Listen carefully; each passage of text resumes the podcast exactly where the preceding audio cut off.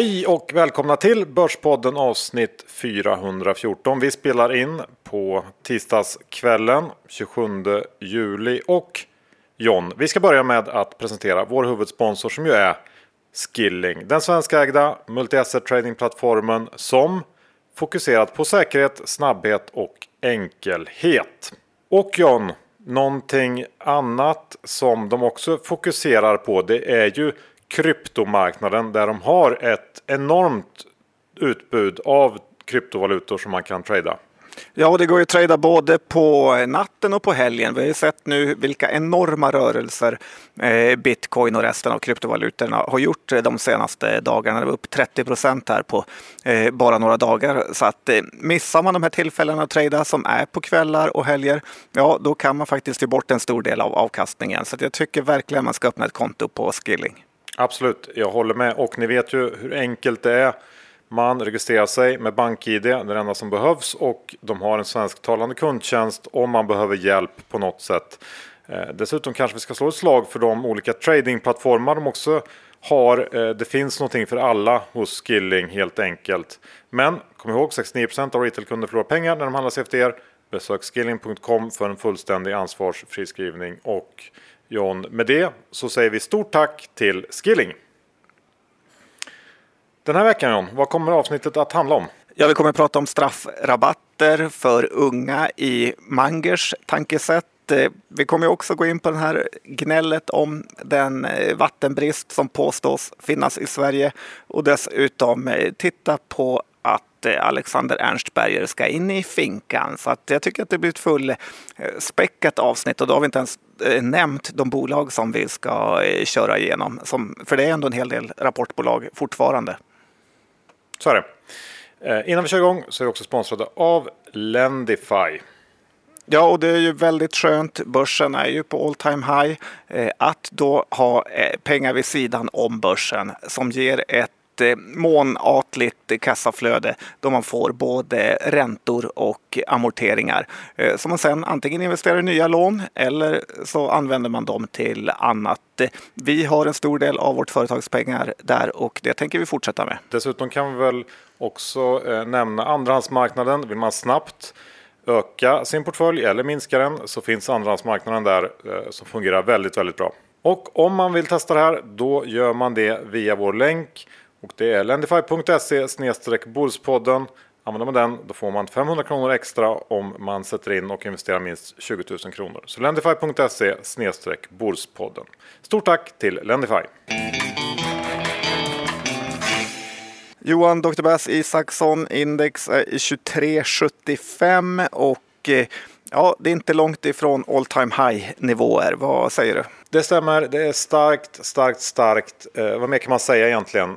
Ja, man kan kanske konstatera att den här floden av e-handelsnoteringar som vi såg i våras den var riktigt bra tajmad av säljarna får man ju säga. För på kort tid så har både Desenio och eh, nu senast idag då Peers kommit med, ja vi får säga haverier till rapporter eftersom verksamheterna varit brutalt dopade av pandemin och den dopingen börjar väl klinga av nu helt enkelt. Och jag skulle väl vara lite småskaj här om jag satt med någon av de här andra nynoterade e-handlarna i portföljen. Och eh, det är väl ett exempel kanske för att eh, relatera det här till någon slags indexsnack. Eh, ett exempel på att eh, riskaptiten har varit lite väl hög under året och kanske är fortfarande. Ja, verkligen. Jag håller med. Det känns ju nästan brottsligt av vissa av de här bolagen som är indumpade på börsen av eh, då, mäklarfirmorna här som vill tjäna en hacka och såklart eh, även eh, säljarna i bolagen som vill casha ut lite grann. Jag är ju mycket rädd för till exempel en balance har vi kvar. Vad har vi mer Johan att vara oroliga för? Ja, Rugvista kanske, eh, Revolution Race. Jag vet inte. Det finns ju ett, ett gäng som har noterats nu och eh, Ja, lite sådär tycker jag att det känns.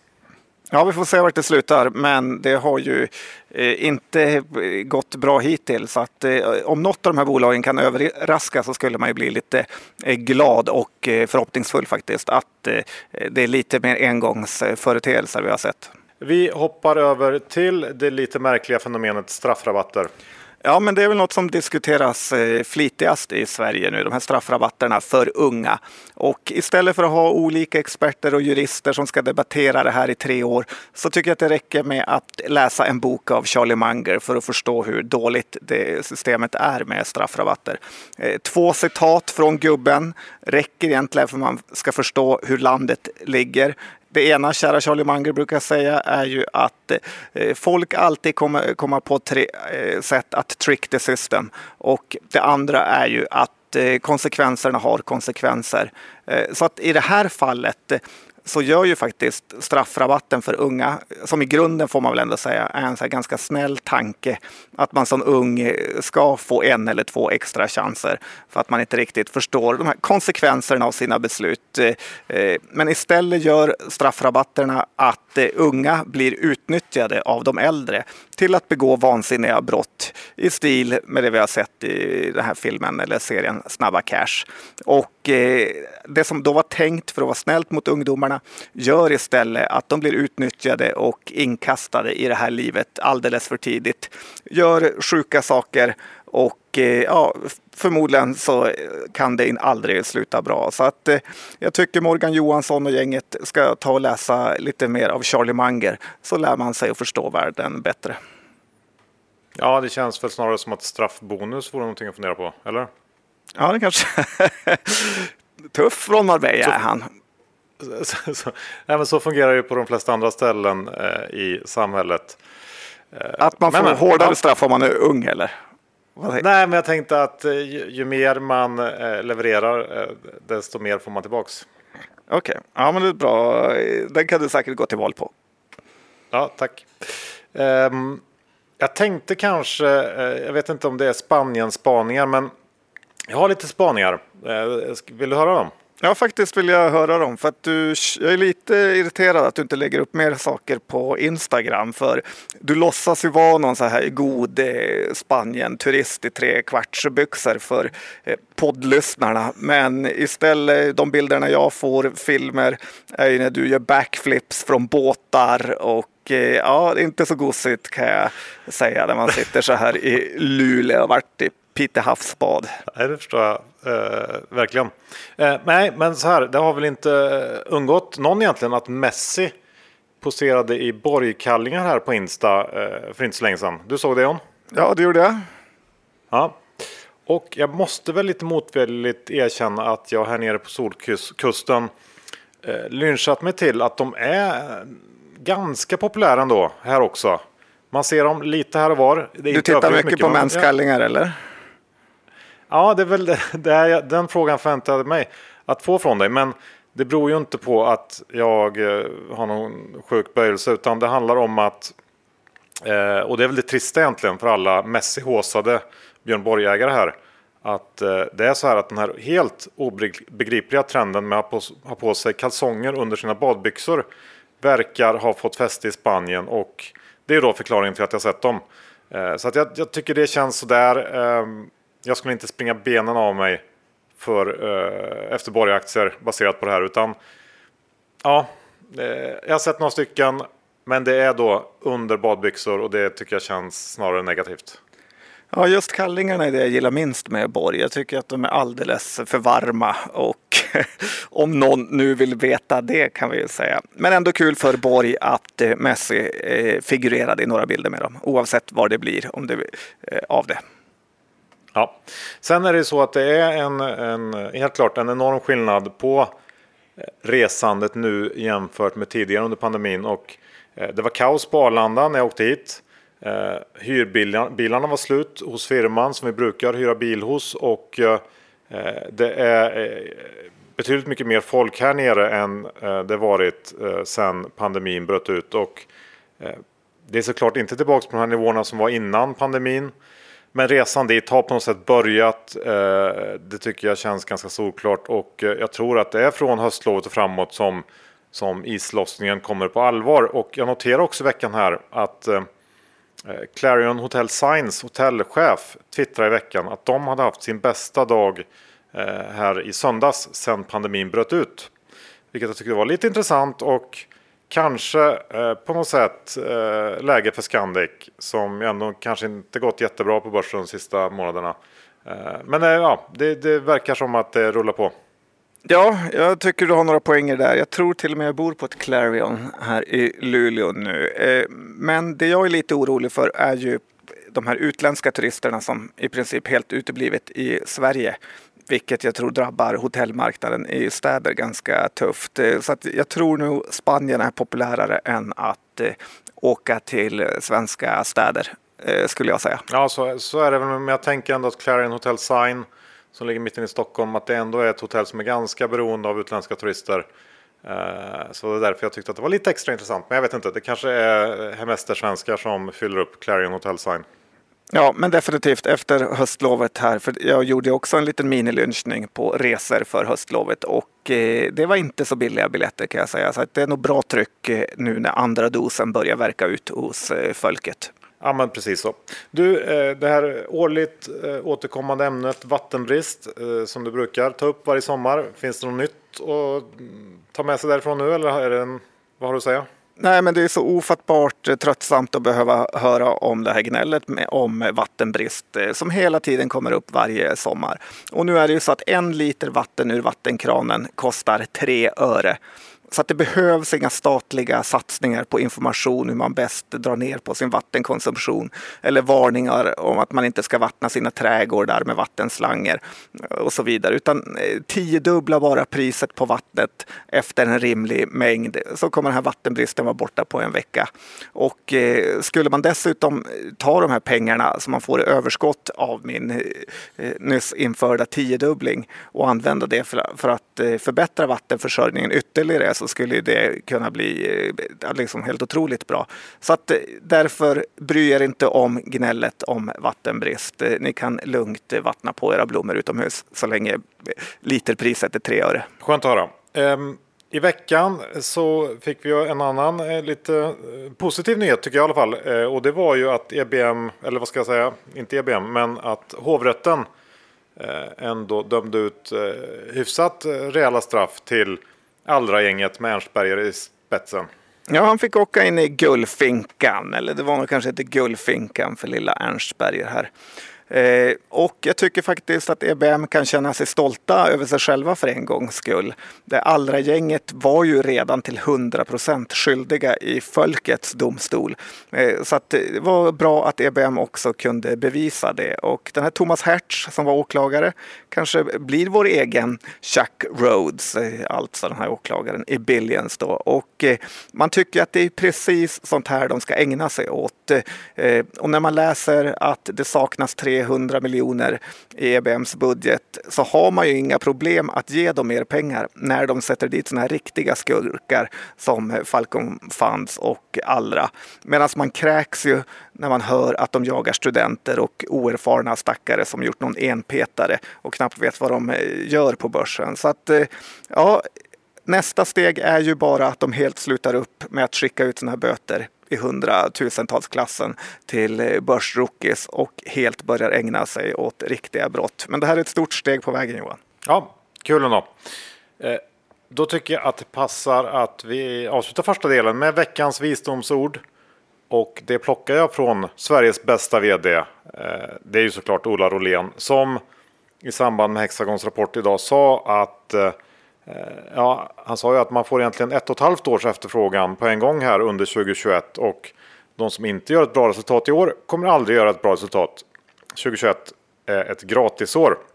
Eh, jag tycker att det är värt att ta med sig eh, för det känns inte som att det riktigt är inprisat på börsen som det ser ut just nu. Nej, men när Ola pratar då lyssnar man. Då är det dags att prata lite rapporter och bolag John. Jag tänker att eh, vi kan börja med eh, en sektor som eh, jag följer ganska nära och det är ju iGaming. Först ut tänkte jag ta Kambi som både du och jag äger. Ja, tyvärr får man säga just nu. Ja, tyvärr. Kambi kom ju i fredags med sina siffror, straffades hårt får man säga med en nedgång på 10 och har fortsatt ner sedan dess också. Eh, trots ett ganska starkt kvartal och siffror som kom in en bit över förväntningarna. Och jag vet inte riktigt vad det är med Kambi och rapporter men eh, marknaden har någon typ av hat mot den här aktien när det är rapportdag. Eh, men vi kan då ta upp de här punkterna då som jag tror marknaden valde att fokusera på som var kanske lite negativa. Först har vi ju det här faktumet att operator turnover, det vill säga den underliggande aktiviteten hos alla operatörer som är kunder till Kambi, minska en del jämfört med Q1 och det här kan väl förklaras av att Q2 eh, säsongsmässigt är betydligt svagare än Q1, framförallt i USA. Eh, och med tanke på att den amerikanska marknaden utgör en allt större del av den totala omsättningen för Kambi så märks det eh, allt mer helt enkelt. Och dessutom så var ju sportboksmarginalen väldigt hög. Eh, det kan nog ha gjort att man eh, tolkar biten som av lite lägre kvalitet här får man inte glömma att sportboksmarginalen och eh, aktiviteten korrelerar, det vill säga vinner man mer så spelar man mer och eh, tvärtom. Och det här tog ju vd Nylén också upp under konfkålet. Men sen så går det inte att komma ifrån att DraftKings lämnar under Q3. Det skapar såklart en stor osäkerhet och den osäkerheten kombinerat med lite svagare underliggande aktivitet eh, som nog tolkas som en, en slags generellt svagare marknad framöver. Eh, och det beror på återöppnandet av samhället. Det, det, tror jag påverkar negativt och är väl egentligen förklaringen till kursreaktionen som jag ser på det. Eh, personligen, om du vill veta vad jag personligen tycker om? Ja, men det vill jag faktiskt. Du är ju lite av expert på det här området får man ändå säga. Nej, men jag håller ju med om att det det är uppenbart att det finns en hel del osäkerhet kommande kvartal. Men samtidigt så om man höjer blicken lite så ser de, de eh, långsiktiga utsikterna eh, på något sätt starkare ut än, än någonsin egentligen. Och tror man att de här bedömningarna som, som bolaget gick ut med på kapitalmarknadsdagen för inte alls länge sedan att de är något sånär rimliga, då är den här aktien ett fynd. Eh, jag tycker också att det kan vara lite nyttigt att vända på hela den här DraftKings-härvan. Det är alltså en eh, kund som man tappar. Det är förvisso en stor kund, men man har ju också eh, i samband med det blivit av med sin värsta konkurrent. Och Nylén sa på kolet att det märks nu en stor skillnad på den fronten. Att eh, ingen av de, av de andra mindre spelarna har flyttat fram eh, sina positioner och tagit eh, SBTechs eh, plats. Och eh, i längden så känns det nästan som att det är mer värt att i varje upphandling slippa behöva slåss mot, mot SBTech utbyte mot att de då får Eh, Draftkings. Så att, ehm, och Draftkings får man komma ihåg, de är idag jättestarka i USA, men det betyder inte att de ehm, alltid kommer att vara det. Eh, det är väl det här Leo Vegas förvärvet Expectet ett ganska bra exempel på. Ehm, så att den, där tycker jag att man kan vända lite på det. Och en annan grej som jag tycker att Kambi eh, pratar allt mer om, det är förvärv. Kambi har nu en ganska stor nettokassa och det skulle kunna vara så att de kan Eh, Eh, få ut en hel del värdeskapande under den här kassan eh, om man hittar rätt eh, objekt att köpa upp. Så att, eh, som det är nu så tycker jag att eh, aktien känns mer intressant än på länge faktiskt. Kanske just beroende på att det är så mycket osäkerhet och aktien har kommit ner en hel del. Samtidigt som att man bara behöver lyfta blicken några kvartal så tror jag att det kommer att klarna ganska mycket. Börsen hatar ju osäkerhet mer än allt annat på något sätt. Ja, jag tycker du har många poänger där, även om det var mycket fakta. Man får nästan lyssna två gånger för att få in allt. Men eh, sen har man ju pratat eh, mycket om det här att det här är en corona eh, vinnare också, att folk var hemma och spelade mer förra året. Jag tror att det är lite liksom att man övertänker då när det är sportspel. Man får inte glömma bort att förra året var det ju faktiskt väldigt mycket sport i Q tre när man körde igång alla Premier League-matcher för att få klara dem över sommaren och många andra sporter också. Så att, eh, när man väl har kommit ur den här eh, lite svagare perioden så tror jag också att det är ett eh, klart köpläge. Men jag tycker Nylén faktiskt får ta att eh, eh steppa upp sin energinivå på de här typen av konf för att han själv kan eh, trötta ut den. Ja, jag vet inte. Jag, jag tycker att han eh, gör det bra. Men eh, visst. Sen har vi ju eh, Kindred. De eh, rapporterar också i fredags. Eh, lite samma sak där. Levererar en stark Q2. Men kursreaktionen eh, var svag. Den gick väl ner kanske 5 eh, Och det berodde väl uteslutande på den här trading-updaten. Som visade då att det dagliga spelöverskottet under de första 18 dagarna i juli. Det var 15% högre än det dagliga genomsnittet för fjolårets då, det tredje kvartal. Och visst, det kan man tycka var svagt, men samtidigt kan man kanske fråga sig hur mycket vikt man ska lägga vid 18 dagar av ett juli eh, och juli som då är den svagaste månaden på hela året för eh, den här typen av bolag. Eh, jag kanske kan tycka att det blir lite väl mycket dramatik kring den här siffran. Eh, men sen så finns det ju då såklart en, en berättigad oro för att det finns pandemiluft i den här sektorn och eh, jag håller väl fast med min syn här att jag, jag tror att det kan skilja sig en hel del mellan bolag. Eh, Kindred som har mycket sport och eh, en eh, ganska spännande USA-satsning då tror jag inte hör till de mer gynnade. Ehm, och dessutom så har börsen, eh, som du var inne på här John för något avsnitt sedan, redan på något sätt varit duktig på att tagit höjd för det här helt enkelt. För en lite svagare marknad framöver. Så att eh, eh, ja, jag, jag tycker väl att det, det ser okej ut för Kindred. Men det är klart, om det blir som analytikerna räknar med här. De räknar med en fallande vinst nästa år jämfört med i år. Eh, det beror väl på Holland antar jag. Så eh, är väl Kindred på något sätt ingen aktie som man måste skynda sig in i ändå, är min känsla. Nej, den har haft en väldigt bra utveckling. Eh, det är ju faktiskt kul tycker jag att eh, Kindred nu blivit i princip närmsta uppstickaren mot eh, bättre 65 de har ju enorma resurser nu med sitt stora börsvärde här. Dessutom har de en utdelning till här i november har jag för mig.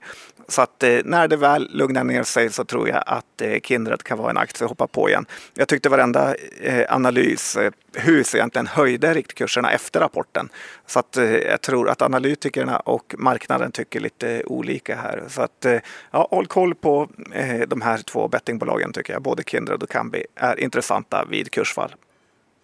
Ja, nu går vi över till någonting helt annat och det är stålindustrin. Eh, John Skogman ska gå igenom den. Ja men faktiskt och det passar ju ganska bra när jag befinner mig i Luleå som lite är väl Sveriges huvudstad för eh, stål.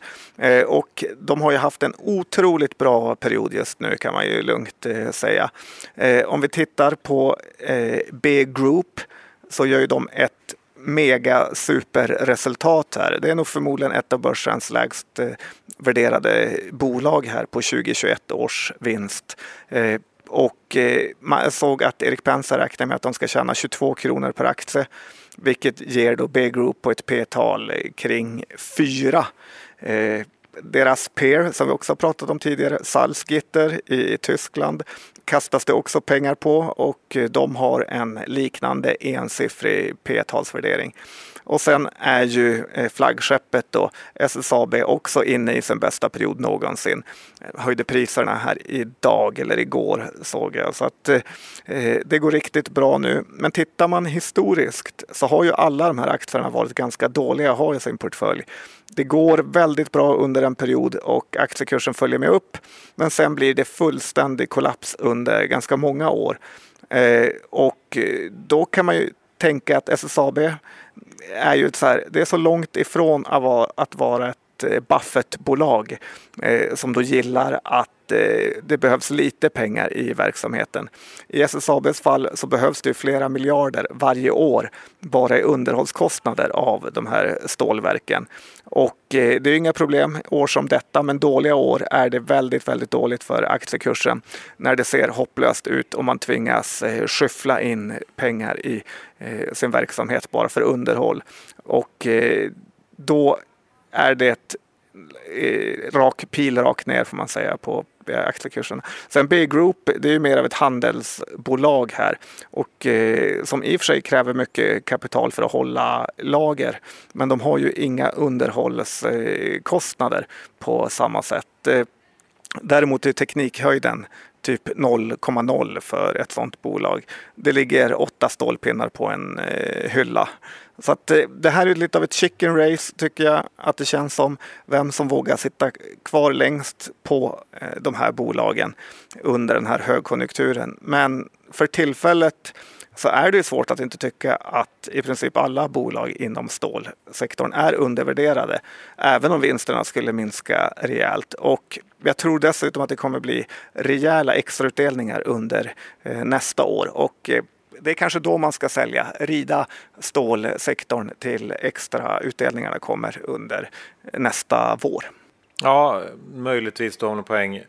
Eh, det man kan tillägga är väl kanske bara att de här låga värderingarna, eh, P4 och allt vad du sa, indikerar väl bara att eh, det kommer att bli jättemycket sämre.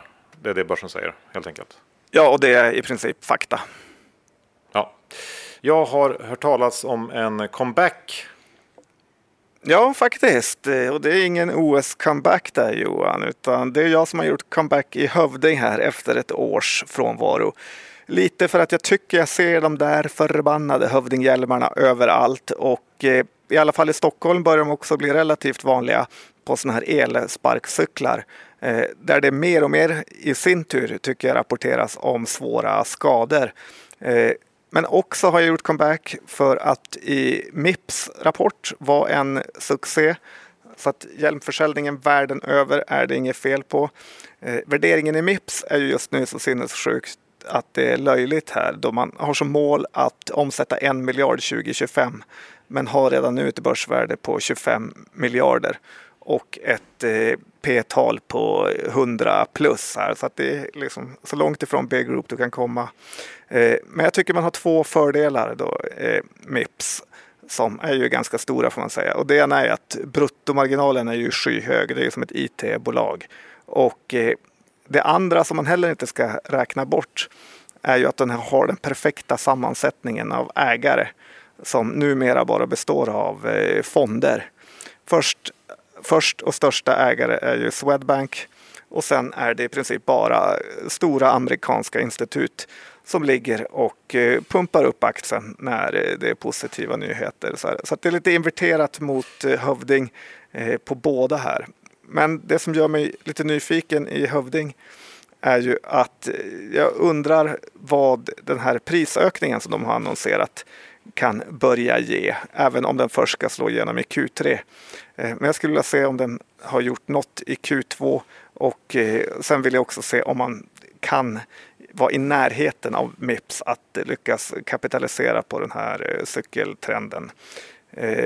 Och som fyndköpare eller bottenjägare eller vad man kan kalla det så har ju faktiskt aktien inte rört sig på ett års sikt här. Medan Mips faktiskt gått upp med 500 procent under samma period. Så att eh, rapporten är 3 augusti och jag har inte hög conviction för det här är ett bolag som har svikit mig och alla andra också eh, flera gånger. Men eh, jag vill ändå se vad eh, de döljer det bakom bokslutet. Har du någon kommentar? Ja, ja jag, hör dig. Eh, ja, två kommentarer. Eh, ett, så undrar jag om eh, du inte lurar dig själv lite grann genom att jämföra med Mips som ju är något slags monsterföretag. Två, eh, har, eh, förra gången eh, så gjorde du ett fatalt misstag i Hövding och det var ju att du baserade, du baserade eh, egentligen hela din analys på sträckan Bromma-Odenplan. Eh, och det visade sig inte vara kanske helt eh, representativt för, för liksom världen i stort. Ehm, har du lärt dig någonting av det? Nej, men det första är ju helt rätt. Mips är ju så fruktansvärt mycket bättre företag och eh, de som har investerat i det och hängt kvar är ju, ja, de är förtjänta av alla pengar de har fått. Medan som sagt, vi som har varit i Hövding har fått ingenting, snarare betala för att få vara med. Eh, och det andra eh, är ju att jag du har helt rätt där med, med att jag lunchar för litet område. Men nu såg jag ändå en hel del hövdingar när jag var i Varberg där eh, och även i Göteborg. Så att jag har inte eh, gett upp än. Ja, okay, ja. ja, det låter spännande. Vi får eh, eh se hur det går helt enkelt. Jag tänkte vända blicken mot eh, ett återöppningscase och det är inte ett, något annat än Loomis. Eh, ganska tråkigt i och för sig, men jag tycker ändå vi kan titta lite grann på hur det har gått. De överträffar resultatförväntningarna här med sin Q2 eh, och kontantvolymerna. De återhämtar sig i takt med att världen öppnar upp, men det här känns ändå lite segt får man säga och jag tror tyvärr för Loomis del att pandemin Eh, Eh, snabbat på kontantdödandet i världen och eh, därför så kokar det här caset på något sätt ner till det här Loomis Pay eh, initiativet att det blir en, en extremt viktig komponent för det här bolaget framöver och då i förlängningen aktiens utveckling. Och när det gäller Loomis Pay så ja, man fortsätter att rulla ut det erbjudandet men intäkterna är än så länge obefintliga. De har sitt intäktsmål och det är ju nå 3 miljarder inom fem år. Och det känns ju, ja, jag vet inte, minst sagt ambitiöst får man säga. Och jag ser att många analytiker ändå tillskriver den här satsningen en ganska stor del av, av liksom aktievärdet idag. Så att eh, jag är lite tveksam där och i samband med rapporten så gick Loomis också ut med ett återköpsprogram. De köper tillbaka aktier för 150 miljoner. Vd säger att det handlar om att optimera kapitalstrukturen och visa marknaden att man är igenom pandemin. Men man kan kanske också tolka det som att det inte finns så där jättemånga intressanta förvärv att göra. Eh, och det tycker jag känns negativt om, om det skulle vara så då för att förvärv är ju en betydligt enklare väg till värdeskapande för Loomis än det här högriskbettet eh, Pay. Ja, men det känns ju helt vansinnigt med Loomis Pay. En eh, sak är ju, i alla fall i Sverige, så går det ju knappt att betala med kontanter längre. Och eh, det andra är ju att fler och fler restauranger och liknande har ju egna appar där man betalar i eh, antingen via Swish eller via appen själv. Så att eh, jag är inte alls säker på att det här Loomis Pay kommer bli något utan det känns eh, snarare som att man är puck 3, puck 4. Jag har alltid varit eh, negativ till Loomis och fortsätter vara det. Ja, då tittar vi lite grann på vårdbolag. Ja, för det är lite kul när du ändå tog sådana här återöppningscase och eh, vårdbolagen har ju alla haft en ganska dålig rapportperiod då, förutom Attendo. Men det är ju för att Attendo gått så fruktansvärt dåligt eh, innan. Eh, alla de här bolagen, om vi då klumpar ihop dem lite, typ Humana, Ambea och Attendo då, eh, är väl relativt olika på sitt sätt men ändå ganska lika. Men jag börjar känna att om den här typen av bolag inte börjar, börjar leverera på börsen nu under den här så kallade återhämtningen eh, eller som ett återhämtningscase så ska man nog faktiskt aldrig äga dem. För att då är det helt enkelt ett eh, dåligt område att investera i. Eh, vilket man eh, kan ganska enkelt se utifrån, i alla fall höga risker med att eh, man har inblandning från landstingen med ersättning. Eh, det är stora risker nu med sjukdomsutbrott som vi har sett och det är extremt eh, personalintensivt eh, så att man är beroende av löneinflation och liknande. Så att jag tycker ändå att jag ger dem en sista chans för att eh, dels så är ju aktiekurserna verkligen nedtryckta. Så att det är en ganska lätt startposition att börja här. Eh, och dessutom så är ju vård av gamla eller folk med special needs. Eh, det kommer ju alltid behövas och det behövs människor som gör det. Men frågan är om eh, börsen är rätt plats för ett sådant bolag att vara på. I USA känns det som att det fungerar riktigt bra. Men då är det nog att man har inriktat sig mer mot privat betalning än Eh, statlig. Så att eh, ja, jag tycker man kan ge de här vårdbolagen en sista chans. Men lyckas de inte nu, då är det out för alltid för mig. Ja, jag håller väl delvis med dig där. Eh, jag tycker att, att det ändå känns som att riskerna, alltså de här politiska riskerna, kanske lite överprisade.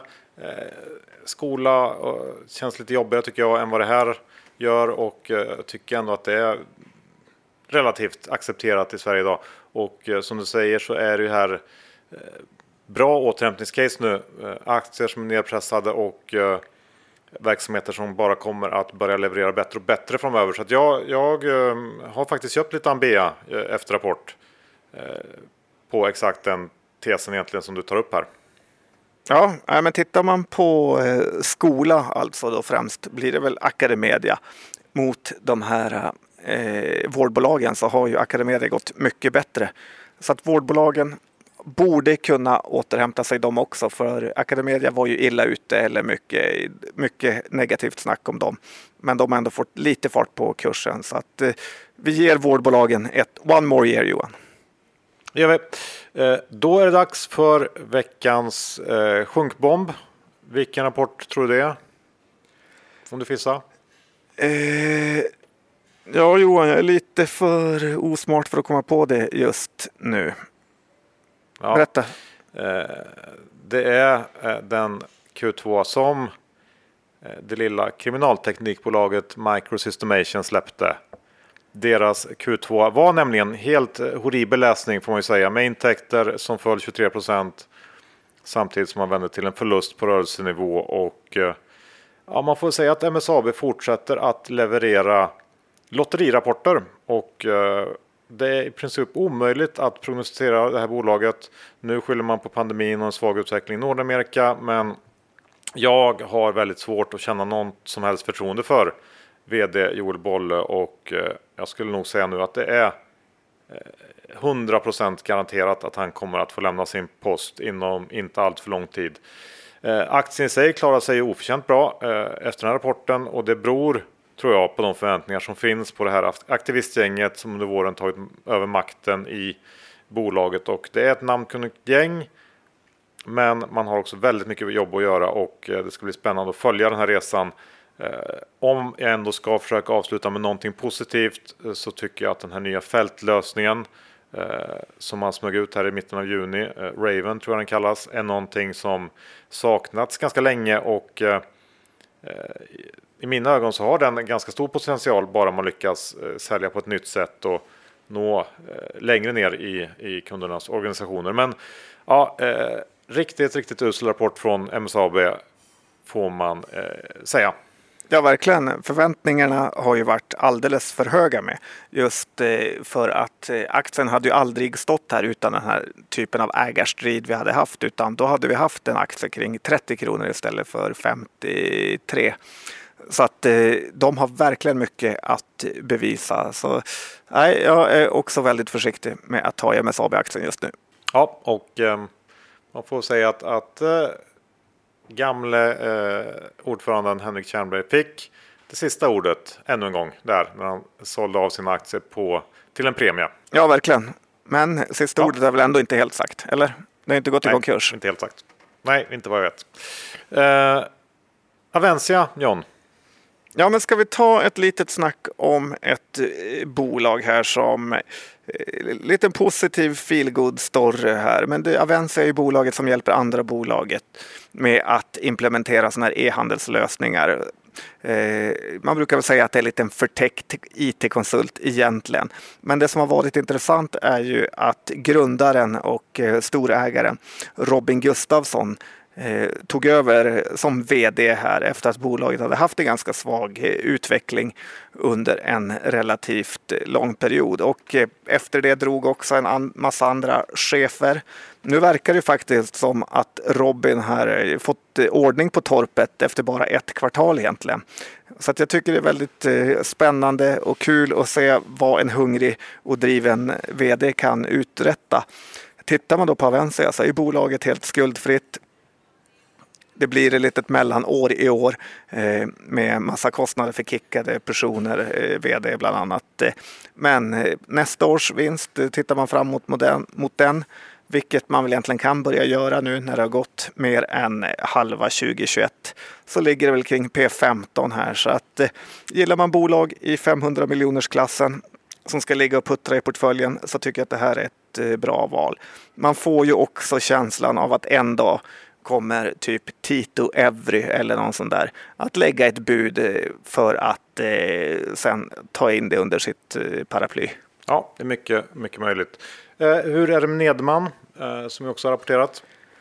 Ja, men Nederman är ju ett annat kul case här tycker jag som är väl ett relativt stort bolag fast med så brutalt usel likviditet i aktien att det är svårt att göra något eh, trots att bolaget har ett börsvärde på över 6 miljarder.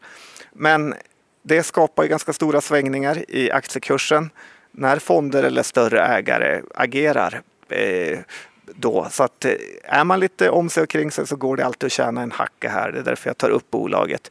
Men Nederman drabbades ju ganska hårt av nedstängningen. Båda med stora resultattapp men även med att deras orderstock eh, började minska.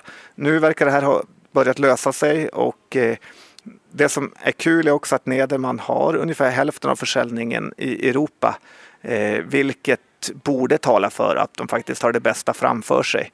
Eh, och jag tycker generellt är det ett ganska bra tankesätt att man fokuserar på Europabolag just nu. Eh, tyvärr så tycker jag att aktien kostar kring 200 kronor nu. Så trading-caset är ju över och aktien får övergå till långväskan om man hade någon sån här. Så att eh, ja, det som skulle kunna få fart på aktien igen är ju något typ av förvärv här. Eh, men med ett p-tal i mid high 20s så är inte jag eh, trading-sugen längre. Nej, jag håller väl med där eh, när det gäller Nederman. Och jag tänkte vi ska avsluta veckans avsnitt med eh, ett rövcase, eh, en rövcase-uppdatering. Ja, men det brukar vara populärt så att eh, låt mig och lyssnarna få höra. Ja, och då handlar det ju om rövcaset Saab som kanske kan det vara så att de är på väg att lämna rövcase-facket. För eh, i veckan så lämnar ju Saab en en riktigt fin Q2, den var stark över hela linjen.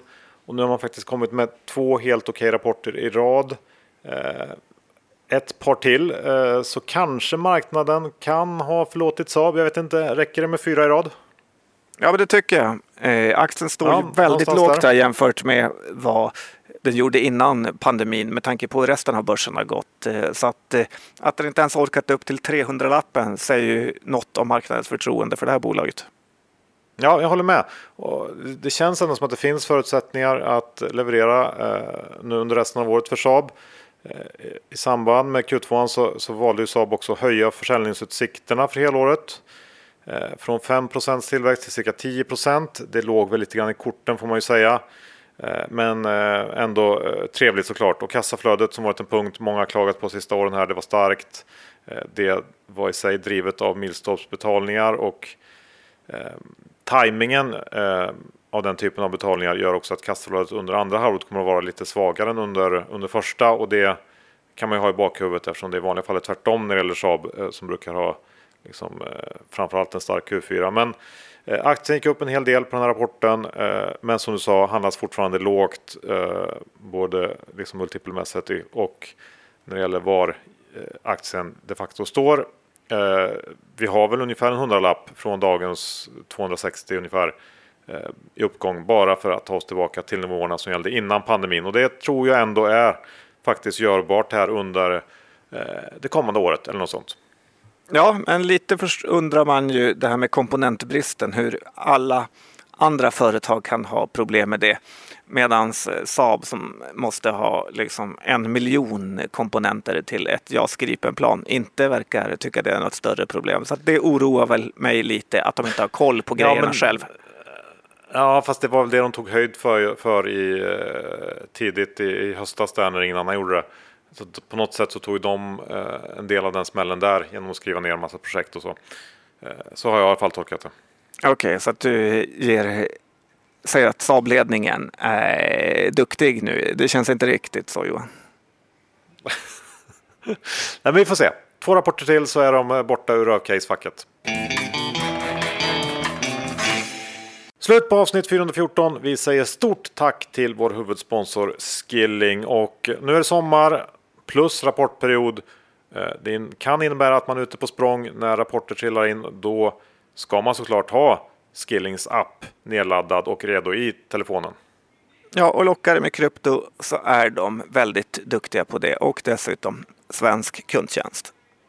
Ja, bara gå in och ladda ner appen eller gå in på skilling.com och öppna ett konto. Men kom ihåg 69 av retailkunder förlorar pengar när de handlar CFD. Besök skilling.com för en fullständig ansvarsfri skrivning. John, när det gäller eh, innehav idag, Kambi har jag. Jag har också då Ambea, eh, som du tog upp vårdsektorn där. Eh, det var det jag hade. Eh, hur ser det ut för dig? Jag har eh, Hövding och sen har jag Kambi faktiskt. Så att ja, det är de två bolagen jag har just den här veckan. Bra, bra, bra. Då får vi tacka alla ni som lyssnat där ute och vi hörs om en vecka igen. Hej då! Det gör vi. Ha det bra. Hej då!